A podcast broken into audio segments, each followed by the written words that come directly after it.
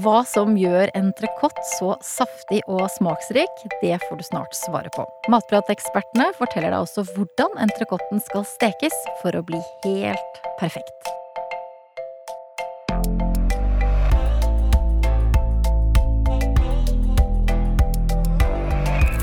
Velkommen til Matpratpodden. Jeg heter Katrine Uda, og sammen med meg, som vanlig i studio, er det to matprateksperter. Det er Marta Ramsborg, hei. Hei sann. Og så er det Britt Marlene Kåsin. Hei, hei. Hei. Når folk eh, tenker på biff, så er det blitt sånn at det gjerne er entrecôte man tenker på. Hvorfor er det sånn? Ja, jeg tror den har på en måte tatt seg opp som en sånn derre folkebiff. Veldig sånn typisk kanskje tiden vi er i nå, hvorav vi liksom har hatt Dette er litt sånn jeg føler det, da. Men at kanskje liksom indrefileten er et sånt veldig symbol på biff, har vært det lenge. Uh, og så har du hatt ytrefileten, som også kanskje folk forbinder med kanskje litt sånn sunn, magert. kanskje litt ekstra. At det er liksom hverdagsprodukt, på en måte. og så har du på en måte fått, fått de siste årene hvor du har hatt på en måte det her med litt sånn røffere kjøkken. Du har liksom kokker med ikke sant, tatoveringer og kniver. Og liksom kokkens beste tips, skanken. Og du har på en måte de derre Det som ikke har vært like oppe der, kanskje, som blir løfta litt sånn ekstra. Og der føler jeg entrecôten eh, liksom troner veldig. Eh, som også kanskje skiller seg litt ut med tanke på hva slags tilbehør vi har til biffen. Mm. Jeg tror også at eh, mange ikke er like redd for fett som før. Eller kan det bare være jeg og Eller Ja. mitt miljø, da. Men at eh, jeg føler det selv også. Før når jeg tenkte på biff, så tenkte jeg at jeg vil jo gjerne ha det veldig veldig mørt, men helst ikke så mye fett, og tenke litt på helsa og liksom sånne ting. Mens nå er det liksom smak smeller, da. Og det er jo masse, masse smak i fett. Eh, og det får du jo med entrecôten, da. Mm. Aller først, eh, nå har jeg sagt det en gang, jeg håper jeg sa det riktig, men nå spør jeg dere ekspertene, hvordan skal vi uttale denne stykningsdelen? Entrecôte, er det det som er eh, Det er. Åh, jeg får sånn der panikk nesten jeg, hver gang. For jeg er sånn Nei, vet du, jeg må ikke glemme meg, eller eh, Ja. Oh, ja, så du går og korrigerer folk? Eh, nei, ja, nei, det spørs. Men noen ganger det er sånn med noen sånne ord som jeg føler at jeg blir sånn der Nei, hva var det igjen? Nei, hva var det igjen? Yeah. Men det er jo da entrecôte.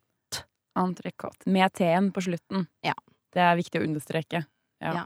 Og det er jo en litt sånn morsom ting, for ofte så blir det jo sånn at vi kanskje Det er sånn typisk ord hvor man liksom eh, Hvor vi prøver å liksom for eh, Hva heter det? Forfranske det. Ja, vi tror vi vet hvordan fransk skal være. Ja, og eh, jeg ønsker å bestille en uh, entrecôte. Med bearnés og eh, pommes frites. Ja, Ja, så man kutter den eh, T-en. for å gjøre det enda mer fransk, og så Mm. blir det mindre fransk, da. Ja. Ja. Sånn oppsummerer jeg det med min Ja. ungdomsskolefransk. Det er litt sånn typisk fransk at man sløyfer noen bokstaver her og der, men akkurat med entrecôten, da, da vi- holder på den. Ja. ja. Mm. Hva er eh, entrecôte, eller hvor på dyret finner vi denne stykningsdelen, Britt Malena? Du, det er, det er jo en av de møre stykningsdelene, altså det som blir til Som vi bruker som biff. Um, du har, hvis du ser for deg et eh, helt dyr, altså en okse eller en ku, eh, så har du langs ryggen så går på en måte filetene, da. Du har indrefileten som går, og så går det ytrefileten går over. Det er litt vanskelig å forklare sånn uh, uten å peke. Se for deg dette. Se for deg dette. Vi har jo en sånn uh, oppdelingsguide på Ja. matprat.no, som man Mm. kan gå inn og og titte hvis man har lyst til å, å lære mer om disse stykningsdelene. Mm. Ja, det er kjempesmart, og da kan du også klikke deg videre for å se liksom akkurat hvor den er plassert. Mm. Men entrecôten ligger jo da eh, altså nesten, eh, nesten på fremparten av dyret, helt opp mot ryggen. Den grenser til der vi finner høyryggen, som er da ikke mør. Eh, og så grenser den til ytrefileten på den andre siden. Eh, men dette er jo da en mør biff, hvor man har Plasseringen gir, gir, gir den også litt sånn ekstra karakter. Eh, den har liksom godt med det her intramuskulære fettet, eh, som gir så god, god smak. Eh, og som er da gjør, gjør det til en veldig sånn mør og saftig. Mm. Smakfull biff, da. Og så har han jo det der eh, veldig kjente fettøyet også, som, eh, Som ikke er et øye. som ikke er et øye. Det er rett og slett fett, men det er veldig, veldig sånn karakteristisk. Da. Og det er jo derfor den også heter rib eye da, på engelsk. Så det er jo det øyet man ser etter også på en, en god entrecôte. Det visste jeg ikke. Det Mm. er en fun fact. Derfor Ja. heter det ribeye. Ja. Ja. Så, ja, som Britt Marlene sier, så er det jo skikkelig sånn mye fett og en god marmorering. Da er veldig sånn det tilfører veldig mye smak. Eh, og gjør liksom hele stykket veldig sånn mørt og, mørt og saftig, da. Mm. Eh, Når man da er i kjøttdisken, eh, enten du er i en vanlig butikk med noe ferskvare eller hos slakteren, eh, hva er det du skal se etter når du skal velge deg ditt deilige stykke entrecôte? Ja, aller først så vil det jeg eh, syns er viktig å se etter, er jo liksom hvor den kommer fra. Eh, at man velger en norsk biff som er eh, produsert her når man skal ha biff eh, til eh, middag. Og det kan man jo se av opprinnelsesmerker, og se veldig fort og enkelt på forpakningen. Eh, og det neste er jo, eh, som jeg ville sett etter, er jo dette her med marmorering. Eh, for vi har jo sett at, eh, snakket om at det her med at eh, fett er liksom vanligere på entrecôte. Eh, og da er det jo ikke bare det fettet som man har rundt og i dette øyet, eller i midten, men det er jo også det, det intramuskulære, altså det fettet som er inni kjøttet. Eh, som du også kan se når du ser liksom på pakningen, og når du ser på det stykket med kjøtt, at det på en måte går litt sånn fettråder sånn innad i kjøttet. For det er et sånt kvalitetstegn eh, som gjør at du får den der gode smaken og den opplevelsen av saftighet da, når du tygger. Ta et sånt bitt av den etterpå. Og det er jo veldig lett å på en måte se etter når du står og velger biff. Eh, enkelt og greit. Viktig også å tenke på mm, hva slags stykke du skal ha. Sånn, selv om du kjøper en entrecôte, så er det jo eh, forskjellig om du kjøper da i biffstykker, eller om du kjøper en hel entrecôte. Man skal enten grille eller steke den. Og så har jo også sånn som Tomahawken og Cotte Buff har jo blitt veldig sånn populære navn i eh, matverdenen, da. Det er veldig sånn jeg tenker på det liksom. Der har du liksom de sterke armene, tatoveringene, og så har du Cotte Buffen eller Tomahawken på grillen, ikke sant. Eh, men det er jo også entrecôte, og det er bare med beinet. Så du får liksom Eller Cotte Buff og eh, Tomahawk da er jo egentlig samme stykke, bare at med Tomahawken da så får du jo da et enda lengre eh, bein da, som er bevart på kjøttstykket.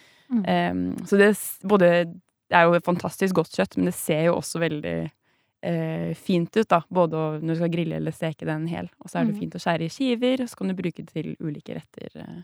Mm. Mm. Så det er jo litt sånn hva du er ute etter, da, og hva du skal bruke det til. Skal du ha eh, Vi har en oppskrift som er veldig populær hos oss, eh, som er sånn beef bulgogi, eller hvor du skal ha kanskje strimle opp kjøttet. Da er det kanskje ikke like viktig akkurat hvordan det ser ut, det stykket, ikke sant. Så da kan du kanskje velge på litt andre grunnlag. Så eh, at du har en liten sånn tanke om hva du skal bruke det til, kan absolutt være lurt å ha i bakhånd. Først skal du ha liksom en tjukk biff delt på to, for eksempel, eller kan du velge eh, kjøtt som kanskje har litt ulik eh, At det er skjært litt ulikt. Kanskje ikke like lett å steke som én biff, men som kan være fint til strimler. Mm.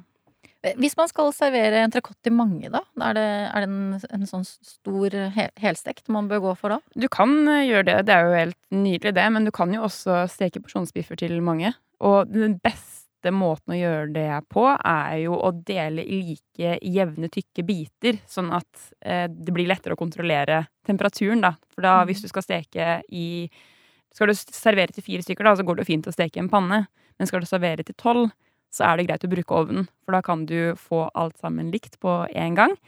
Eh, Så det beste å gjøre da, er jo å først brune biffene i pannen før du har det i ovnen, da, for å få den gode stekeskorpa. Ja. Og så bruke steketermometer, da. Og dette her er jo punktet hvor, som veldig mange har spørsmål, ikke sant. Hvordan skal du steke dette flotte entrecôte-stykket ditt helt perfekt? Er det olje? Er det smør? Jeg snakket med en eh, kollega i dag som sa at ja, men jeg var på en fest i helgen, og da var det en som stekte i helt tørr panne, for det var Ja. viktig å svi av først og skulle ikke bruke fett. Ja, wow. Den er ny for meg. Ja, ja, Ja. ja. så Det ville jeg ikke gjort eh, sånn fordi jeg Det er fordi jeg elsker stekefett, ikke sant? Så er det sånn Det kan jo være at det er noe magisk eh, med det, men eh, altså har han smakt smør, lurer jeg på da. Så det er spørsmålet mitt. Så det er smør Um, som gjelder? Ja, og det, det er egentlig litt uh, uh, morsomt, fordi Eller før, da, egentlig, sånn for inntil kanskje tre år siden, så har jeg tenkt liksom at ah, biff er liksom overvurdert, eller? Men det er jo bare fordi jeg har Jeg har ikke klart å tilberede den riktig. Og jeg har jo fått god beef, så tenkte sånn, å, det er kjempedeilig, men så lager jeg det selv, og så er det sånn Nei, skal vi jeg gidde å fortsette med dette? Men det er jo da fordi jeg har vært veldig gjerrig på smøret, og jeg er på saltet, og liksom krydderet, ikke sant? Så jeg har jo da eh, tenkt at den skal være liksom så plain som mulig, og så har jeg tenkt liksom litt for mye sånn på ernæring, da, ikke sant. At det skal være liksom sunt og liksom, mens nå er det liksom fett og smak i fokus. Så nå er det sånn ah, nå er det beste jeg kan få, en skikkelig god eh, entrecôte. Ja. Mm. Og vi har jo noen, det er jo egentlig veldig sånn enkle kjøreregler som vi anbefaler, da, når man skal steke den perfekte biffen. Og så vil folk alltid være litt sånn uenige, men det er jo litt sånn det er rundt Mm. sånne hot topics, Ja. som å steke biff. Ja. Så vi skal ta det fra starten, da. Eh, Så hvis du ser for deg at du har et eh, deilig stykke entrecôte, ikke sant, foran deg, ligger klart, så kan vi starte med eh, hva du skal gjøre først, altså temperering. Her er jo også ekspertene litt uenige. Eh, jeg syns det er veldig fint å ta ut kjøttet litt i forkant, la det hvile litt på kjøkkenbenken, sånn at det får en litt mer tilnærmet romtemperatur. Eh, for det vil også være med da når du legger den biffen i panna, vil være med på å ikke senke temperaturen i panna. Og det syns jeg er viktig, da. Mm. Eh, videre eh, så er det det her som jeg syns er litt lurt, er å tørke av eh, kjøttet eh, med et litt sånt eh, tørkepapir. Eh, som også vil være med på å hjelpe deg å få en sånn fin bruning da, på kjøttet. Før du skal ha den i panna, så er det jo også det her med krydring. Eh, jeg syns det er fint å ha krydre med litt salt og pepper før den går i panna, sånn at liksom, det blir en del av det smaksbildet som også steker seg litt sånn godt og fast. Noen er liksom sånn nei, du må ikke krydre, du må ikke salte før du har den i panna, for da trekker man ut uh, alt mulig rart. Eh, litt overvurdert, tenker jeg. Eh, men, eh, men fint å krydre litt sånn i forkant, syns jeg. Så kan du heller toppkrydre litt når du er ferdig. Mm. Eh, Så er det jo selve stekingen, da. Og da kan du gjerne bruke en eh, jernpanne, hvis du har det, eh, for her er vi ute etter sånn høy og god varme. Eh, Og jernpanner, de leder varme veldig godt. Har du en annen panne, så kan du selvfølgelig bruke den også, men bare husk høy varme. Eh, har jeg litt stekefett, eh, da er det viktig å bruke stekefett som tåler høy varme. For eksempel en olje som tåler høy varme, syns jeg er veldig sånn enkelt og greit å bruke. Eh, så får du dette her på frest, ordentlig varmt, før du legger i biffen. Når du legger i biffen, skal det ikke være sånn blup, ikke sant? Det skal ikke være sånn lyd, det skal være sånn tsj, Mm. ikke sant? Hvis, hvis den nærmer seg panna og den ikke sier tsj, så trekk den tilbake, og så vent litt, og så starter du, starter du på nytt. Ja. Og så er det jo, ikke sant, få en god bruning eh, på siden før du snur den. Skal du ha en medium stekt biff, hvis, det er en, hvis du tar utgangspunkt i at det er en to centimeter stor biff, da, så skal du gjerne steke den til du begynner å piple litt på overflaten. Så kan du snu og steke til det pipler på andre siden, og så vil det være medium stekt, da, Mm. cirka. Og så, mot slutten, kan du heller dette her med smør, som Martha var inne på, da er det et godt tidspunkt å ha i det. Ja. Eh, Jeg også pleier å bruke olje, da, så smør mot slutten, bare så vi er enige der. Ja, vi er veldig ja, vi er veldig enige der. Eh, har oppi smør. Jeg liker også å ha oppi gjerne litt hvitløk. Da tar jeg egentlig bare et hvitløksfedd, moser det, kaster det i panna, og litt friske urter. Jeg er veldig glad i timian, for eksempel. Det kommer litt an på hva jeg skal ha som tilbehør. Og så bruker jeg nok smør til at det blander seg godt med kjøttkraften. Så øser jeg over biffen mens jeg steker den ferdig. Mm. Da trekker det masse deilig smak og fett. Og så steker jeg da til Jeg liker å steke til litt sånn 55 grader, gjerne litt sånn under, for den vil Mm. også øke temperatur etter at du tar den av panna. Selv om du flytter den fra panna, så vil den fortsatt øke temperatur. Mm. Eh, og da skal den jo hvile, da. Det må den hvile. Du må ha tålmodighet til det. Jeg har skjønt at det er én ting eh, mange gjør feil når de steker. De, Ja. de bruker en gaffel. De bruker gaffel! Ikke bruk gaffel! Ikke bruk gaffel. Nei, for da vil du jo få liksom et hull på biffen, da, hvis Ja. man skal si det sånn. Du vil jo ha kjøttsafta inni. mm. Ja. Og derfor er det viktig å ikke bruke gaffel, Mm. og også det her med hviling. En god huskeregel kan være at den skal hvile like lenge som du har stekt den. For når, den da hviler, så vil på en måte kjøttsaftene og kraftene liksom trekke tilbake inn i kjøttet, Mm. sånn at du unngår det du ikke vil at skal skje, nemlig at du skjærer opp, Tørrbiff. og så renner all saften ut. Nei, den skal være inni biffen og inni munnen. Så husk å hvile. Eh, og hvis du er usikker på det her med, liksom, med temperatur og sånt, det kan være vanskelig. Er det en litt tykkere buss, kan du selvfølgelig bruke et eh, kjernetermometer, som er et godt verktøy, i hvert fall til å få liksom den kontroll og feeling på mm. steking av biffen. Men stikker man ikke hull i den da, da? Men du tar det ikke Du lar den være i til den er ferdig Ah. stekt, da. Kanskje det kan ha Ja, vi sier det. Det kan hjelpe deg. Og hvis du ikke vil eh, bruke det, eller ikke har det, så har jeg et annet triks òg. Mm. Har du hørt om håndtrikset? Nei. som gjør at det Ikke sant? Hvis du ser eh, folk som steker biff, noen ganger så liksom at man skal kjenne eh, Mm. hvordan biffen skal være. Ikke sant? At du kan kjenne på biffen hvor stekt den er. Da skal du selvfølgelig ha rene hender og sånt når Mm. du holder på oppi maten mens du steker det, bare så det er sagt. Men da, hvis du ser for deg hånden din, og strekk, strekk ut hånden din, eh, og så setter du Kjenner du på den lille puta som er under tommelen? Hva kaller man dette området?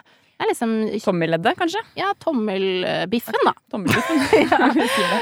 Og hvis du klemmer liksom lett på den, når hånda di er helt avslappet, så kjenner du at det har en viss sånn konsistens. Hvis du tar eh, tommelen din og liksom lener den mot pekefingeren, første fingeren, så kjenner du at det strammer litt til. Ikke sant? Eh, så hvis vi sier at uten at du klemmer noen fingre sammen, så er biffen rå. Tar du den eh, tommelen mot pekefingeren, så er den sånn medium, eh, medium minus. Beveger du deg til neste finger, du skal ikke klemme hardt, du skal bare gjøre sånn at de møtes, så vil jeg kalle den medium. Et steg videre, medium pluss. Mm. Og siste er den gjennomstekt. Og hvis du klemmer til der, så er den uh, Skosåle. Skosåle. Ja. Og det kan jo være litt lurt. Kan være litt vanskelig i starten å øve seg på det. Kanskje prøve på noen andre òg, for det er jo litt annerledes å ta på egen hånd enn en noe annet. Mm. Men det kan også være med på å gi en sånn god sånn indikator og feeling, da, Mm. sånn at du kan eh, mestre biffen uten, eh, uten eh, hjelpemidler. Ja. Og da er det jo viktig også at det er på den delen der hvor det er kjøtt, ikke fett, når vi snakker om entrecôten, da. Mm. Ja. Og så er det litt sånn eh, med entrecôten som annen matlaging, så er det jo at øvelse gjør mester. da. Du vil jo kjenne biffen bedre etter Mm. hvert som du har laget den flere ganger. Så sånn, Det er jo et super tips eh, med tommelregelen. Så etter hvert så vil du ikke trenge å stå og kjenne på hvordan var det. Var det pekefingeren først? Var det langfingeren først? Etter hvert så vet du bare hvordan du liker biffen din. Og det er litt sånn jeg har sett på liksom, proffene lage mat også. Jeg har sett liksom på kokkeskolen nå, da, med Hellstrøm. Så sier han til deltakerne bare sånn Ja, da kjenner jeg at den er ferdig. Og så spør de ja, hvordan, hvordan kjenner du det? Nei, det, bare, det vet jeg bare. Ja. Det er den intuitive matlagingen som er så viktig da når du har lyst til å mestre å lage god biff. Så da har vi brukt eh, stekepanna til eh, biffstykker, og hvis man skal helsteke, da er det grill eller, eller stekeovn på vinteren? Um, skal du helsteke entrecôten, så vil jeg også temperere, som Britt Marlene sier, og så tørke godt av, salte, og så du gjør liksom den samme fremgangsmåten eh, fram til det kommer til stekepanna. Da vil jeg brune den på alle sider. Brune den godt, ikke, sånn, ikke litt sånn lunk på hver side, men sånn, lage en sånn god skorpe med Maillard-effekten. Det stad. smaken. Det blir så mye god smak. Eh, og så eh, er det da inn i ovnen. Og da vil jeg absolutt anbefale å bruke et kjernetermometer. Eh, for det er vanskelig å time, eh, rett og slett fordi alle ovner er forskjellige. Det er forskjellig størrelse på biff, eh, ikke på biffstykkene, men på, på kjøttstykket. Mm. så bruker du termometer, så vet du at du får det du vil ha. Fordi man vil jo ha biffen ulikt stekt også. Noen liker jo å ha en medium godt stekt, eller medium pluss stekt biff, da. Det gjør ikke jeg. Så da vil jeg passe på at ikke temperaturen blir for høy for jeg tar den ut, da. Og så er det det med hviling etterpå. Den vil hvile seg litt opp i temperatur. Det er ekstra viktig med et stort stykke.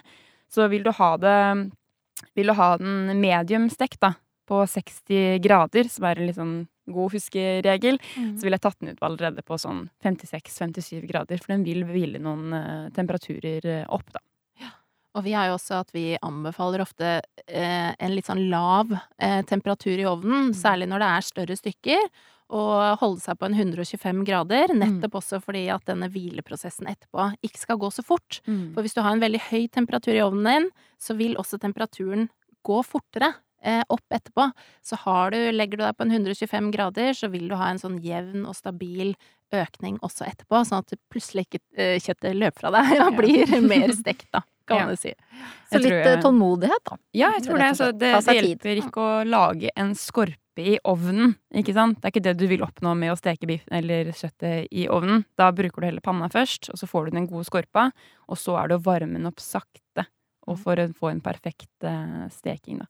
Og, Og det det er jo jo- supert når man skal ha et større lag, eller Ja. ha et sånt større, litt sånn flott eh, gjestelag eller selskap, da. Mm. Ikke sant? Hvor du da har en helstekt eh, entrecôte, og kan skjære det opp og liksom rangere ved bord og ikke sant. Mm. Og her. Er Og den teknikken nå er jo supert hvis du har uh, cottebuff, tomahawk, altså stykker som ofte er litt sånn tjukkere, da, ikke sant, hvor man kan gjøre helt det samme. Brune i panne først, steke ferdig i ovn, så har du full kontroll og ja, ikke Mm. noe, ikke noe stress. Nei. Ingen eh, biff uten saus. Det er nesten høres ut som et livsmotto. Eh, Hva slags eh, favorittsauser har dere til entrecôten? For vi, vi må jo ha saus til det her. Vi må jo ha saus, selv om kanskje andre nye influensere sier annet, så vil vi ha saus. så det har jo blitt litt sånn trendy, det å spise bare biff. Ja, ja. Bare Mm. biffen til frokost, eller ikke frokost, da, men til første måltid. Men jeg skal ha saus. Og hva, hva er det dere går for da? Det er jo det er liksom forskjellig på en måte hva slags holdt på å si, et måltid jeg vil lage. Fordi det, det er jo helt sinnssykt godt med liksom ordentlig pommes frites og bearnés. Jeg syns det er eh, skikkelig sånn boy dinner, kan man kalle det det, eller? Ja. Selv om jeg Hva? Oi, Ja, nå har vi fått uttrykket vårt girl dinner, så tenker jeg boy dinner. Det må jo være ikke sant? Eh, men det er, det er en skikkelig favoritt. Jeg syns det er eh, ja, dødsgodt. Jeg var i Antibes en tur i våres, og da ble jeg anbefalt å gå på en restaurant bare for å spise akkurat entrecôten de hadde der. Og da var det med klassisk tilbehør. Det var ikke noe å velge mellom. Det var eh, bearnés og pommes frites. Og det er noe av det beste jeg har spist. Det er det som funker, ass. Det er eh, skikkelig en stayer hos Mm. meg. Hva velger du, Britt Marlene? Det er jo kjempegodt. Jeg også har en veldig sånn um, heng på eh, chimichurri-saus, eller også en sånn salsa verde. Altså en urte. Veldig sånn Mm. deilig sånn urtesaus. Masse deilige friske urter. Bladpersille, eventuelt eh, koriander. Eh, du har liksom det der, eh, syrlige med rødvinseddik som bare blir så utrolig godt til det stykket som har litt ekstra fett, da. Så liksom balanserer det så perfekt, som kanskje er min sånn personlig favoritt. Chimichurri, er det en kald saus? Begge er kalde, så det er Mm. urtesaus, da. Eh, og vi har også en veldig god oppskrift på sånn salsa verde på Matprat, Mm. eh, som også har kapers, som vi har snakket om før. Ja, det er glad i kapers, du? Jeg er veldig glad i kapers, så Ja. jeg eh, har gjerne litt av det oppi der også, til de der friske urtene. Eh, og så er det jo også peppersaus, da, som er litt klassisk til denne her. Gjerne litt sånn grønn peppersaus med grønne Mm. pepperkorn. Har en sånn friskhet, syrlighet, fyldighet til denne deilige biffen, da. Tre. Topp tre Mm. Topp sauser. tre. Ja. Bearnés, chimichurri eller Ja. salsa verde og peppersaus. Ja. Mm. ja. Det er de tre favorittene. Ja. Eh, Entrecôte kan jo brukes på flere måter enn som en eh, klassisk eh, biffmiddag. Eh, hvilke oppskrifter er det folk har som favoritter på matprat eh, når det ikke er som en, en biffmiddag? Det første jeg tenker på, det er en pastarett vi har, som er med blåmuggostsaus og entrecôte. Som er høyt oppe på lista. Det er vel det den heter også, rett og slett, på Matprat. Ja. Med entrecôte og gorgonzola heter den vel i Matprat. eh, og det er en helt fantastisk eh, deilig, smaksrik saus da, av blåmuggost, da, som det sier, det sier seg selv. Mm. Eh, hvis du er glad i det. Og det er eh, den smakskombinasjonen da med den fettrike entrecôten. Det er bare skikkelig sånn en bombe. Og samme samme det der blåmuggost, som Ja. er en sånn eh, en sånn vellagra entrecôte, liksom, kan jo ha litt av den samme type smaken som Mm. blåmuggost. At de liksom spiller hverandre veldig sånn gode, da. Sånn Mm. liksom Den eh, eh, banker på et veldig sånn deilig Name a better duo. ja. ja. Det samme pasta. Alle Ja. elsker pasta. Ja. Det, spark inn åpen dør. Det, ja. Vi har jo også en sånn eh, tacooppskrift, eh, hvor du har liksom sånn hjemmelagde mais-tortillas med en sånn hot eh, chili oil-olje på entrecôten, som er en kjempegod eh, fredagsfavoritt når du har lyst til å lage noe litt sånn ekstra, ekstra ut av fredagen. Eh, og så har vi jo den derre beef bulgogien, da. Ja, Mm. den nevnte er- dere i stad. Hva er Ja. det for noe? Du, det er eh, Det også blir jo en veldig sånn Kan jo være en litt sånn fresh eh, tacovariant, på en Mm. måte, på en fredag, hvor du har eh, salatblader som du fyller med ris, og da entrecôte i en sånn deilig sånn eh, marinade Mm. eh, med sesamolje, soya, litt finkutta løk, chili, eh, som eh, liksom marineres. Stekes litt sånn eh, kjapt og greit. Eh, og så serverer du dette som en sånn lefse. Lefsetaco. Hva er det det heter? Ja. En salattaco. Ja, ja. Det er veldig lekkert. Det er veldig sånn typisk sånn koreansk eh, street food, da. Men som er veldig lett å få til på eget kjøkken. Mm. Det er ganske imponerende. Og hvis du som har hørt på oss, har en favoritt med entrecôte som du har lyst til å dele med andre, så tagg oss gjerne, eller bruk hashtag matprat. Vi høres.